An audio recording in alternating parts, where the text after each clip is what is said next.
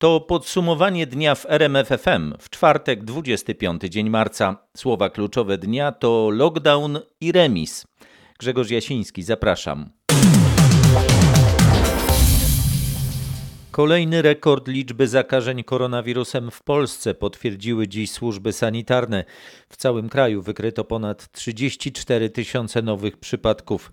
Jest też 520 kolejnych ofiar śmiertelnych. Po raz pierwszy od początku epidemii w dwóch województwach w ciągu jednej doby potwierdzono ponad 5 tysięcy nowych zakażeń. To Mazowsze i Śląsk. Rekordowa jest też liczba wykonanych testów w kierunku COVID-19. Było ich ponad 102,5 tysiąca. To pokazuje, jak tłumaczą lekarze, jak dużo osób ma teraz objawy, które są podstawą, aby skierować ich na takie badanie. Te dane powinny nas zmobilizować, aby, jeśli to możliwe, więcej czasu teraz i w czasie świąt wielkanocnych spędzać znów w domu, komentuje specjalista chorób zakaźnych zakaźnych profesor Krzysztof Tomasiewicz. Zdecydowanie raczej w domu. Myślę, że ograniczenie wszelkich aktywności, w tym również tych tradycyjnych, religijnych, związanych ze świętami, to jest znowu czas trudny, a więc musimy, musimy zostać w domu. Lekarze prognozują, że spadek liczby zakażeń zauważymy w ciągu miesiąca, przede wszystkim dzięki wyższej temperaturze i kolejnym wprowadzanym obostrzeniom.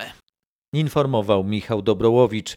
Z naszej perspektywy, czyli lekarzy, którzy zajmują się ostrymi zakażeniami COVID-19, jest to teraz jazda bez trzymanki, mówi doktor habilitowany Jerzy Jaroszewicz, szef oddziału klinicznego chorób zakaźnych i hepatologii w Szpitalu Specjalistycznym nr 1 w Bytomiu. Dodaje, że mimo obostrzeń spodziewa się kolejnych rekordów w liczbie zakażeń. Te działania, które zostały podjęte, bardzo dobrze zostały podjęte, ale nie spodziewajmy się, że dojdzie do spadku zachorowań tak znienacka, gwałtownie, tylko na to trzeba tygodni, a nawet może i miesięcy. Kiedy możemy się spodziewać znaczącego spadku liczby zakażeń? Moim zdaniem e, dopiero w czerwcu i to nie wiem, e, nie mówię o spadku, tylko o takiej względnej stabilizacji. Czy to będzie połowa czerwca, czy to będzie końcówka czerwca, nie wiem.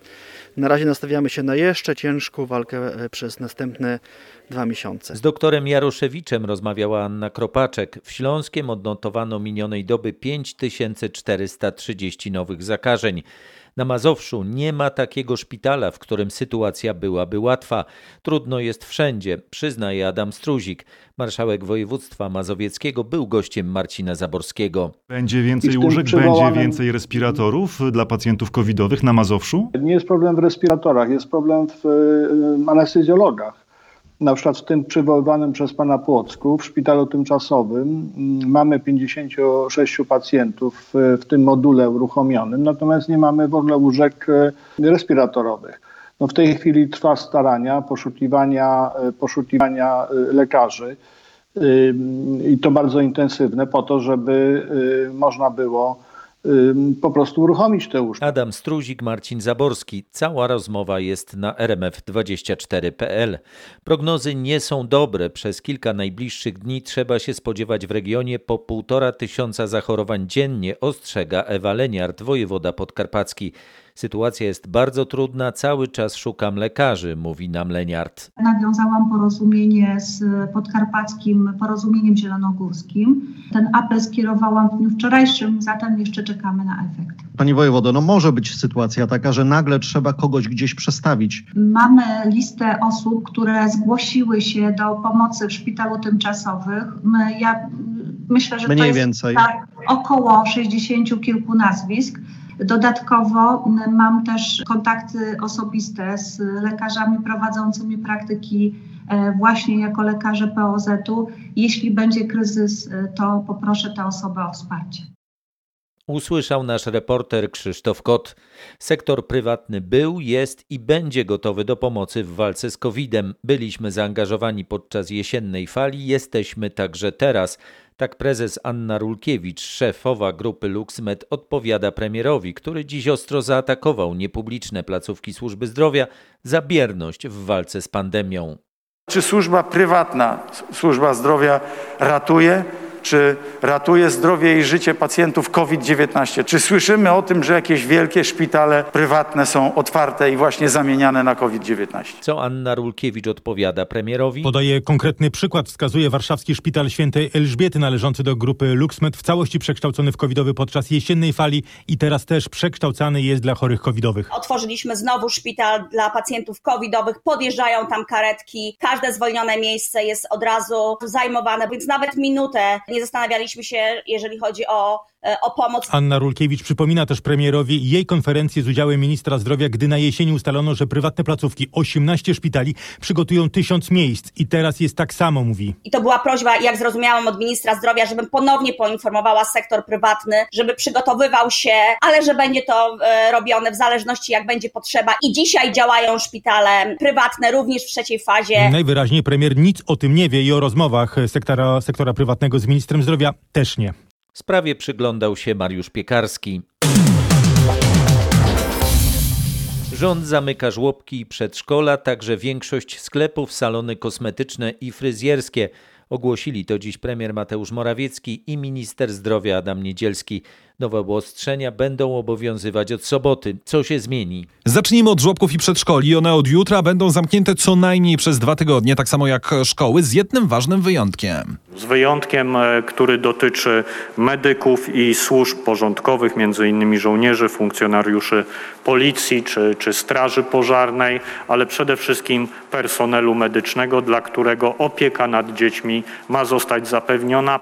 Chodzi o to, jak mówi minister zdrowia, aby lekarze byli w szpitalach, a nie żeby siedzieli w domach z dziećmi. E, Kolejne ograniczenia to sport. Od soboty obiekty sportowe mogą przyjmować tylko zawodowców. No, chodzi o to, żeby amatorzy przestali chodzić na siłownię czasem, korzystając z różnych luk w prawie. Następny obszar e, objęty ograniczeniami to handel. Zamknięte zostaną wielkie sklepy budowlane i meblarskie. Te sklepy, które mają powyżej 2000 m2 powierzchni. Działać będą mogły jedynie małe sklepy budowlane i wnętrzarskie oraz wielkie hurtownie i składy budowlane. Kolejna kwestia to super i hipermarkety. Będą nowe limity wstępu. Dzisiaj może tam przebywać jeden klient na 15 m2, a od jutra to będzie jeden klient na 20 metrów, czyli przed świętami w super i hipermarketach mogą pojawić się kolejki, o tym pamiętajmy. Poza tym rząd wprowadza też ograniczenia w usługach. Rząd zamyka wszystkie salony urody, salony kosmetyczne, salony fryzjerskie co najmniej na dwa tygodnie.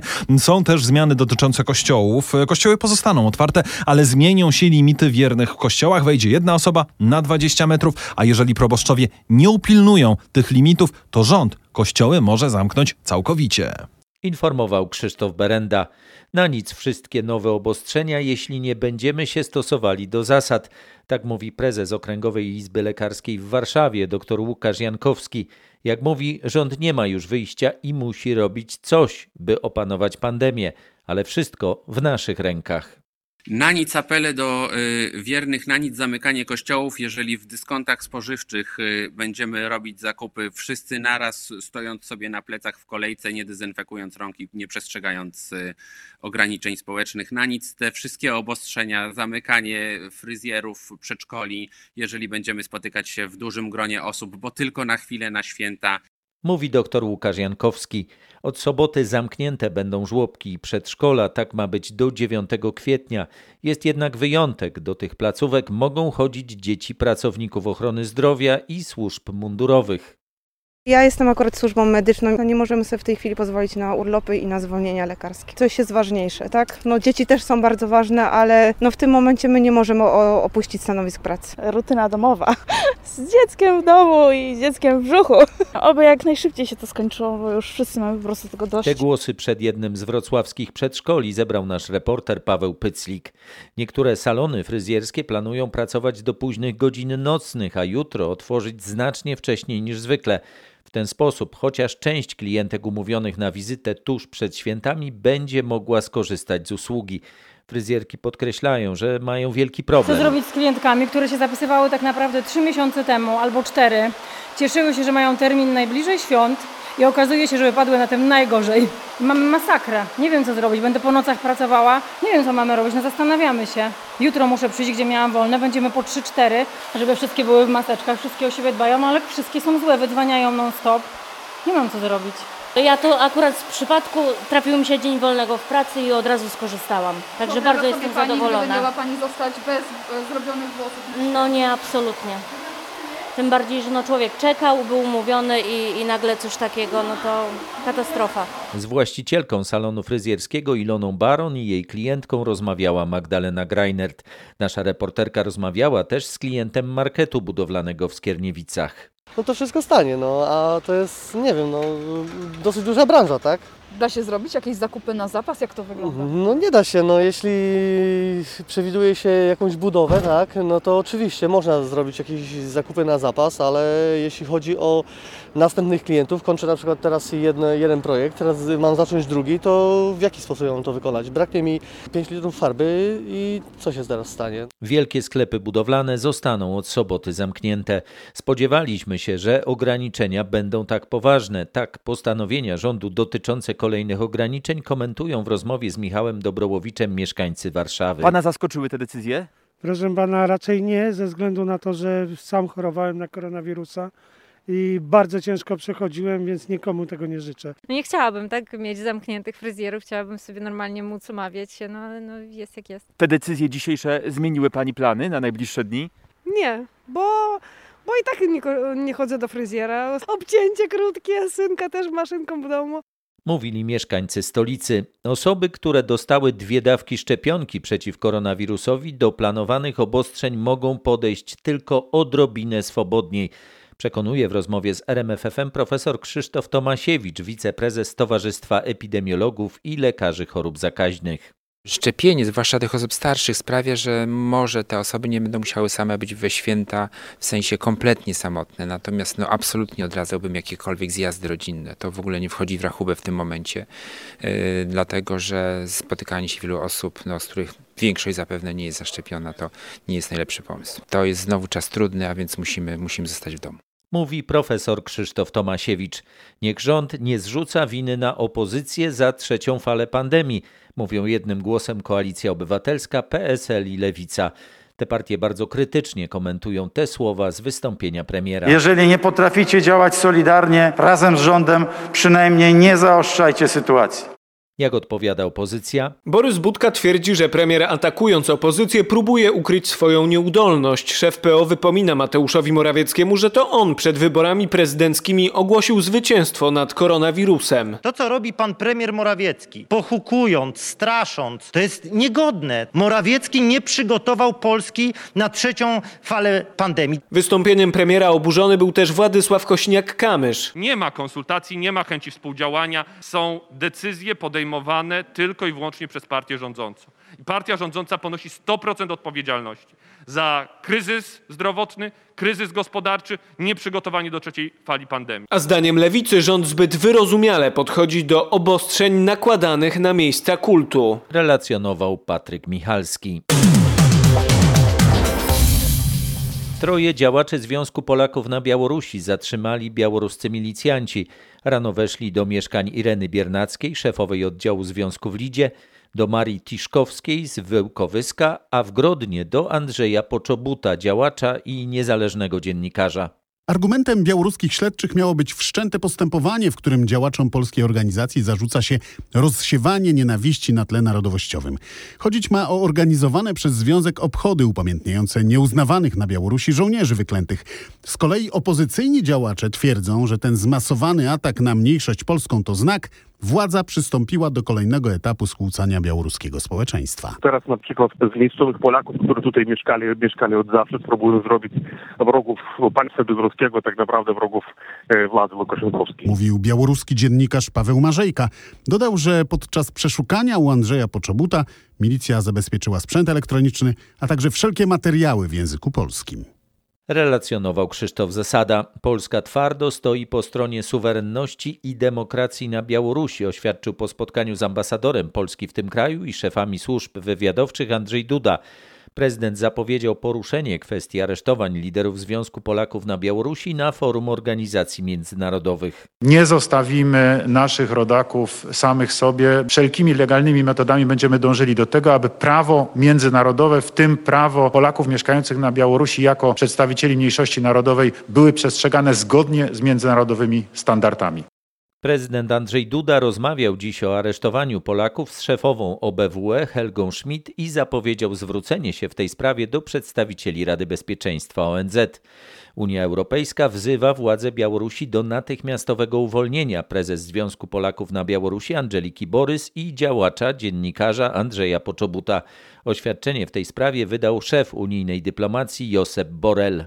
To mocne oświadczenie w imieniu całej Unii Europejskiej, a więc skonsultowane ze stolicami. Wzywamy Białoruś do natychmiastowego i bezwarunkowego uwolnienia pani Angeliki Borys i pana Andrzeja Poczbuta oraz wszystkich obecnie przetrzymywanych więźniów politycznych, czytamy w oświadczeniu. Borel podkreślił, że jesteśmy obecnie świadkami dalszej eskalacji represji wobec narodu białoruskiego, w tym zorganizowanych kampanii prześladowań obrońców praw człowieka, dziennikarzy i społeczeństwa obywatelskiego, a ostatnie wydarzenia pokazały, że najnowszym celem tej polityki jest związek Polaków na Białorusi. Informuje z Brukseli nasza dziennikarka Katarzyna Szymańska-Borginą. Polscy medycy zaszczepili dziś sekretarza generalnego NATO Jensa Stoltenberga, dowiedziała się nasza korespondentka. Przypomnę, ponad 20 medyków z Polski rozpoczęło szczepienia około 3,5 tysiąca pracowników kwatery głównej sojuszu. Do szczepień wykorzystywana jest szczepionka firmy AstraZeneca z polskich zasobów. Informację o szczepieniu szefa NATO przekazały mi służby prasowe sojuszu. Sekretarz generalny NATO otrzymał dziś pierwszą dawkę szczepionki, czytamy w przesłanym oświadczeniu. NATO nie podaje więcej informacji. Wiadomo, że szczepienia odbywają się na terenie kwatery głównej sojuszu i potrwają do soboty. Wczoraj sekretarz generalny wraz z szefem polskiej dyplomacji Zbigniewem Rałem odwiedził miejsce szczepień i spotkał się z medykami. Przypomnę, za zorganizowanie akcji szczepień sekretarz generalny NATO dziękował Polsce. Podkreślał, że to pokazuje, jak bardzo ważnym państwem członkowskim jest Polska, która jest gotowa wspierać wysiłki NATO na wiele różnych sposobów. Z Brukseli relacjonowała kolejny dziś raz Katarzyna Szymańska-Borginą. Remis 3 do 3 po ciężkim boju wywalczyli Polacy w meczu z Węgrami. Biało-czerwoni notują pierwszy, choć tylko jeden punkt w eliminacjach do Mistrzostw Świata. Mecz na Puszkarz Arenie obserwował nasz specjalny wysłannik do Budapesztu Paweł Pawłowski. Do szatni schodziliśmy przegrywając 0 do 1. Już na początku drugiej połowy Węgrzy podwyższyli prowadzenie. Wtedy zareagował Paulo Souza i dokonał potrójnej zmiany. Z boiska zeszli Helik, Moder i Szymański, a pojawili się Glik, Piątek i Jóźwiak. Dwa ostatnie nazwiska są kluczowe, bo od razu po podaniu Jóźwiaka na 2 do 1 strzelił Piątek. Wyrównał sam Jóźwiak. Radość Polaków przerwał Willi Orban, który dał Węgrom prowadzenie 3 do 2. No ale wtedy dało sobie znać nasz kapitan, który ustawił się świetnie w polu karnym. Dostał dobrą piłkę od Bereszyńskiego i właśnie Lewandowski zdobył gola na 3 do 3. W ostatnich minutach po rzucie wolnym do strzału z woleja składał się jeszcze Lewandowski, no ale niestety nie trafił w bramkę. Węgry, Polska 3 do 3. Budapeszt, Paweł Pawłowski. Wróciliśmy tam dziś z dalekiej podróży. Dwa razy. Koszykarze Argedu BM Slam Stali Ostrów Wielkopolski awansowali do najlepszej czwórki FIBA Europe Cup.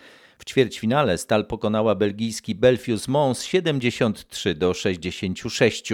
Wielka wygrana, ciężkie bardzo warunki. Zespół naprawdę się poświęcił, żebyśmy wylądowali w Final Four. Historyczna wygrana dla, dla, dla polskiej koszykówki, dla Ostrowa. Mówił po meczu Igor Milicz, trener Stali, która za miesiąc w półfinale zmierzy się z rumuńskim CSM Oradea. Kędzierzynie-Koźlu nadal wielka radość. Grupa Azoty Zaksa po raz pierwszy w swej historii awansowała do finału siatkarskiej Ligi Mistrzów. Po zaciętym spotkaniu podopieczni Nikoli Grbicza wyeliminowali wczoraj w półfinale Zenit Kazań. Zaksa o złoto zagra z Itasem Trentino. Choć to klasowy przeciwnik, to drużyna z Opolszczyzny mocno wierzy w swoje możliwości. Wiemy, że przyjdzie nam się mierzyć z kapitalną drużyną, także nastawiamy się na, na wielki pojedynek. Będziemy starali się zagrać swoją najlepszą siatkówkę. Będziemy mieć, mieć teraz trochę czasu, teraz skupiamy się na, na walce o Mistrzostwo Polski i z pewnością będziemy, będziemy dobrze przygotowani na finał.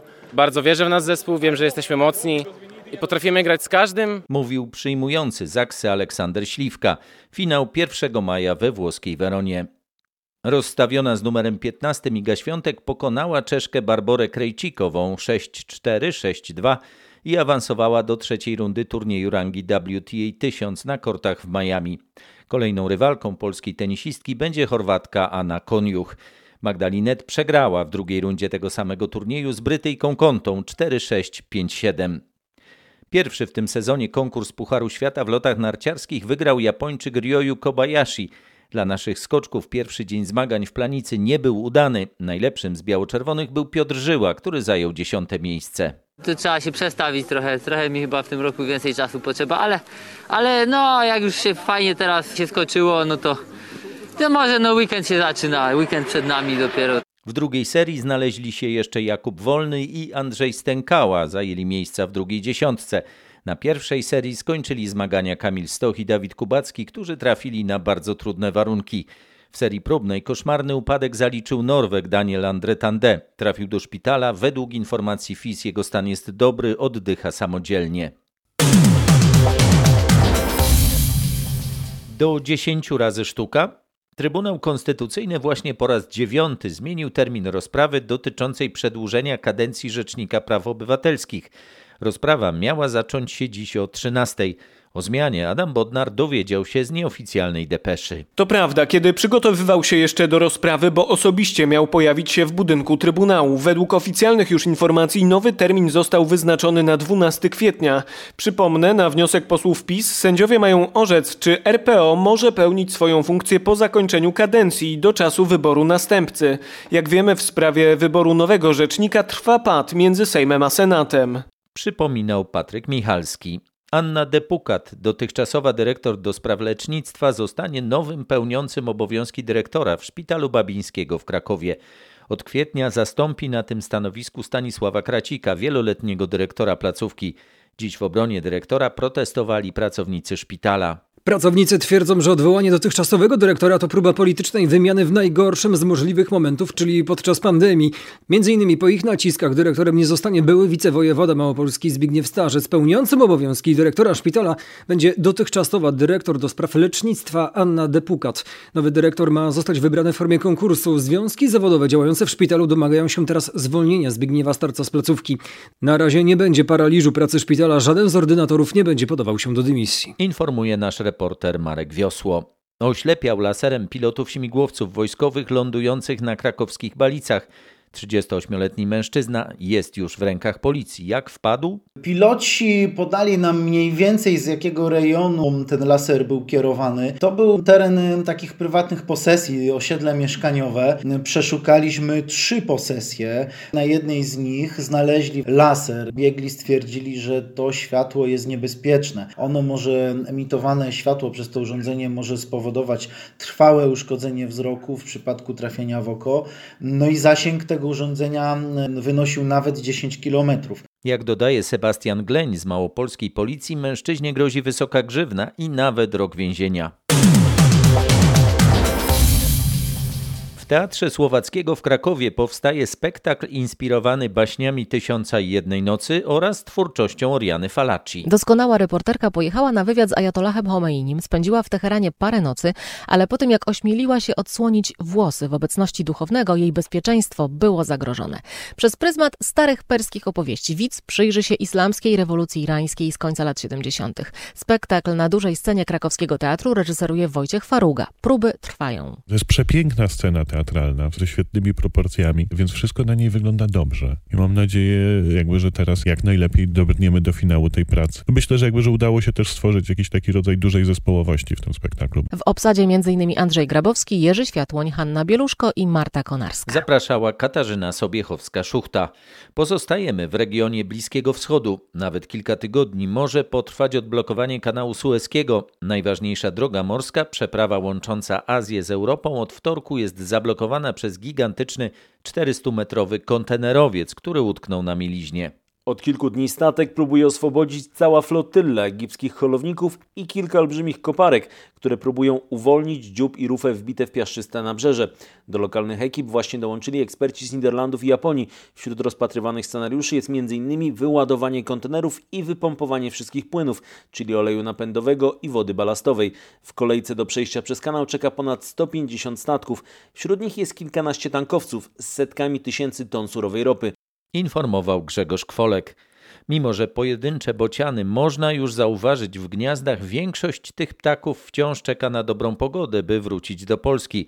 Ptaki opóźniają przylot, ponieważ na ich trasie, między innymi w Turcji, wróciła zima. Ptaków jeszcze jest bardzo mało w Polsce. W tej chwili bardzo duża część ptaków zatrzymała się w Turcji. Panują tam prawie zimowe warunki, ochłodzenie przyszło bardzo gwałtowne. Ptaki czekają. Naprawdę warunki nie są dobre do migracji. W Grecji nawet spadł śnieg. Powrót ptaków do Polski na pewno się opóźni. Te polskie bociany, z których części Afryki wylatują? Jest to y, cały obszar na południe od e, pustyni, od Sahary. E, I to są takie kraje jak Czad, Tanzania. Z ornitologiem Sebastianem Menderskim rozmawiał Paweł Bułakowski.